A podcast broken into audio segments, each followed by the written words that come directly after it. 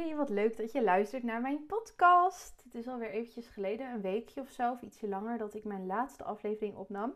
En dat komt omdat ik afgelopen week echt super druk bezig ben geweest. Zeven dagen lang. Echt, oh my god, vet lang. Elke dag klussen. Ik heb het geluk dat ik mij echt super goed voel in de zwangerschap. Ik ben nu 32 weken. Maar ik kan gewoon helemaal bewegen. En ik ben helemaal ja, gewoon goed sterk. Dus ik heb echt geschilderd. En nou, echt van allerlei klussen gedaan. En uh, we zijn echt zo ver gekomen in het huis. En daar ben ik dus de afgelopen week super druk mee geweest. En ik heb ook heel veel inzichten gekregen in het hele klusproces. Het was zo leuk. En daar wil ik je in deze aflevering graag in meenemen. Um, een belangrijk ding wat ik merkte deze week is dat ik helemaal mijn focus had verlegd. Want ik werk heel erg met focus. Dus als ik een bepaalde taak ga doen of uh, ergens voor ga zitten, ja, dan ga ik er dus, dat zegt het ook al, dan ga ik er ook echt voor zitten. En dan doe ik alleen maar dat en daardoor kan ik heel snel werken. Deze week had ik dus helemaal vrij gehouden. Ik wist eigenlijk nog niet wat ik dan wilde gaan doen. En mijn nesteldroom had dan bedacht dat ik echt het hele huis, dat we alle kozijnen gingen doen en alle deuren opnieuw gingen lakken, de trappen. Nou, we hebben echt van alles en nog wat gedaan, zijn ook nog niet klaar. Maar ik ging dus echt met heel veel focus te werken en ik heb niks anders gedaan. Ik heb qua mijn uh, bedrijf heb ik alleen wel op Instagram dingen gepost en twee keer even mijn mail gedaan, bijvoorbeeld een half uurtje. En dat was het dan. En door met die focus te werken, uh, kon ik ook helemaal even alles loslaten van mijn bedrijf. Want het was best wel, ik, leefde er heel erg naartoe. Want de zomervakantie is bijvoorbeeld afgelopen zaterdag gestart hier in Noord-Nederland. En ik leefde daar best wel naartoe. Van, oh, dan is het zomervakantie. En dat is echt voor mij zo'n eikpunt en moment. Uh, mijn vriend zit ook in het onderwijs, dus die heeft ook vakantie. Zes weken, super chill. En ik wist van na de, in de zomervakantie gaan we ons klaarmaken. Dan is ook, zijn ook mijn laatste echte werkafspraken, zeg maar, die ik heb voor mijn bedrijf. En daarna, kon, als de vakantie voorbij is, kan de baby misschien komen. Ergens in september, begin oktober. Dus het was echt een beetje zo'n ding waar ik naartoe leefde. En toen, toen was het ineens zover en dacht ik, oh my god, het is nu echt zo. Nou, toen hebben we dus heel lekker geklust en heb ik ook even helemaal het werk los kunnen laten. Dus echt alles rondom foto's helemaal losgelaten. Hele andere focus. Ik hoefde van mezelf er dus ook niks mee te doen. Ik had het echt helemaal vrij gehouden voor mezelf.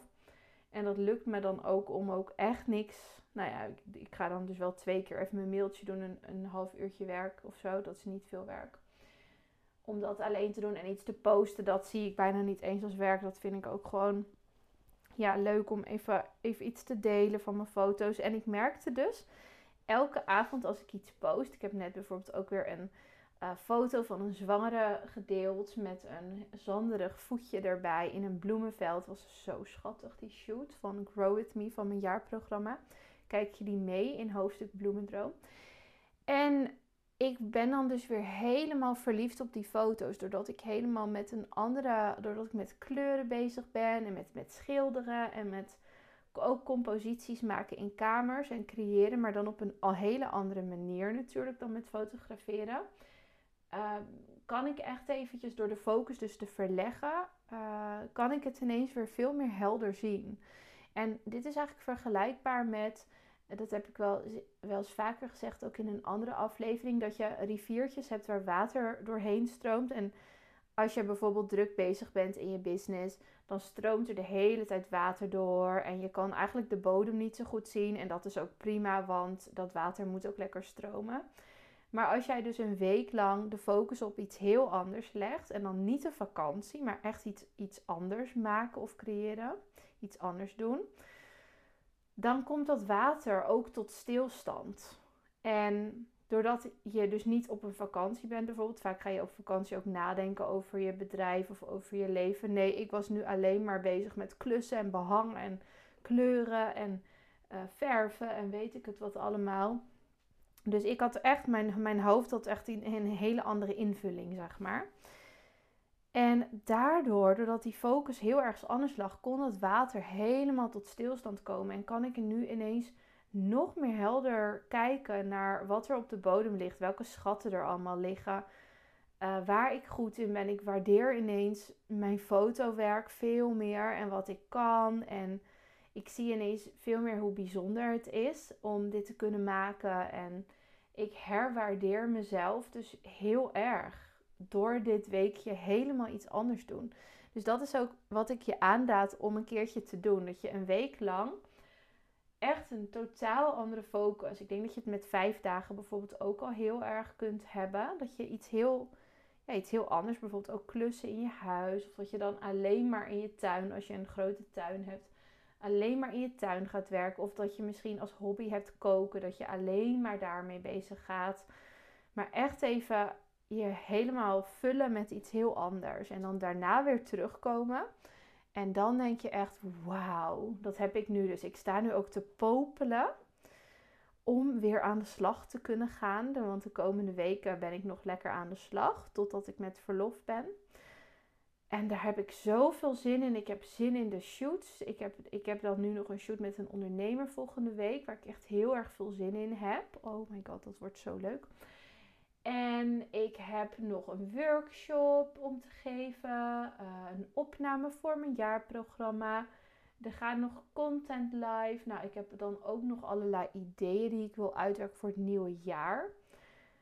Oh, ik, heb daar, ik heb daar nog zo ontzettend veel energie voor en zin in.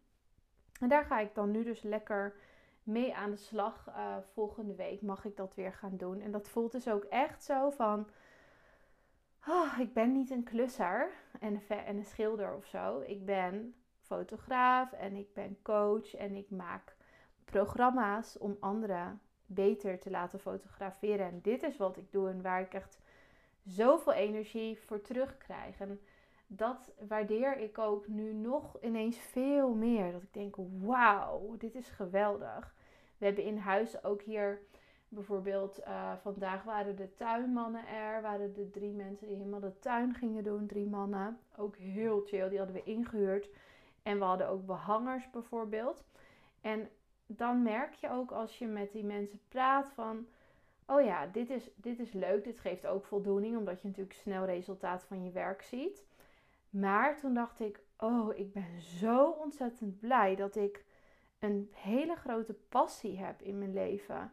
En dat die passie is uitgegroeid tot echt iets, iets heel gaafs. En dat ik daar allemaal anderen mee kan helpen.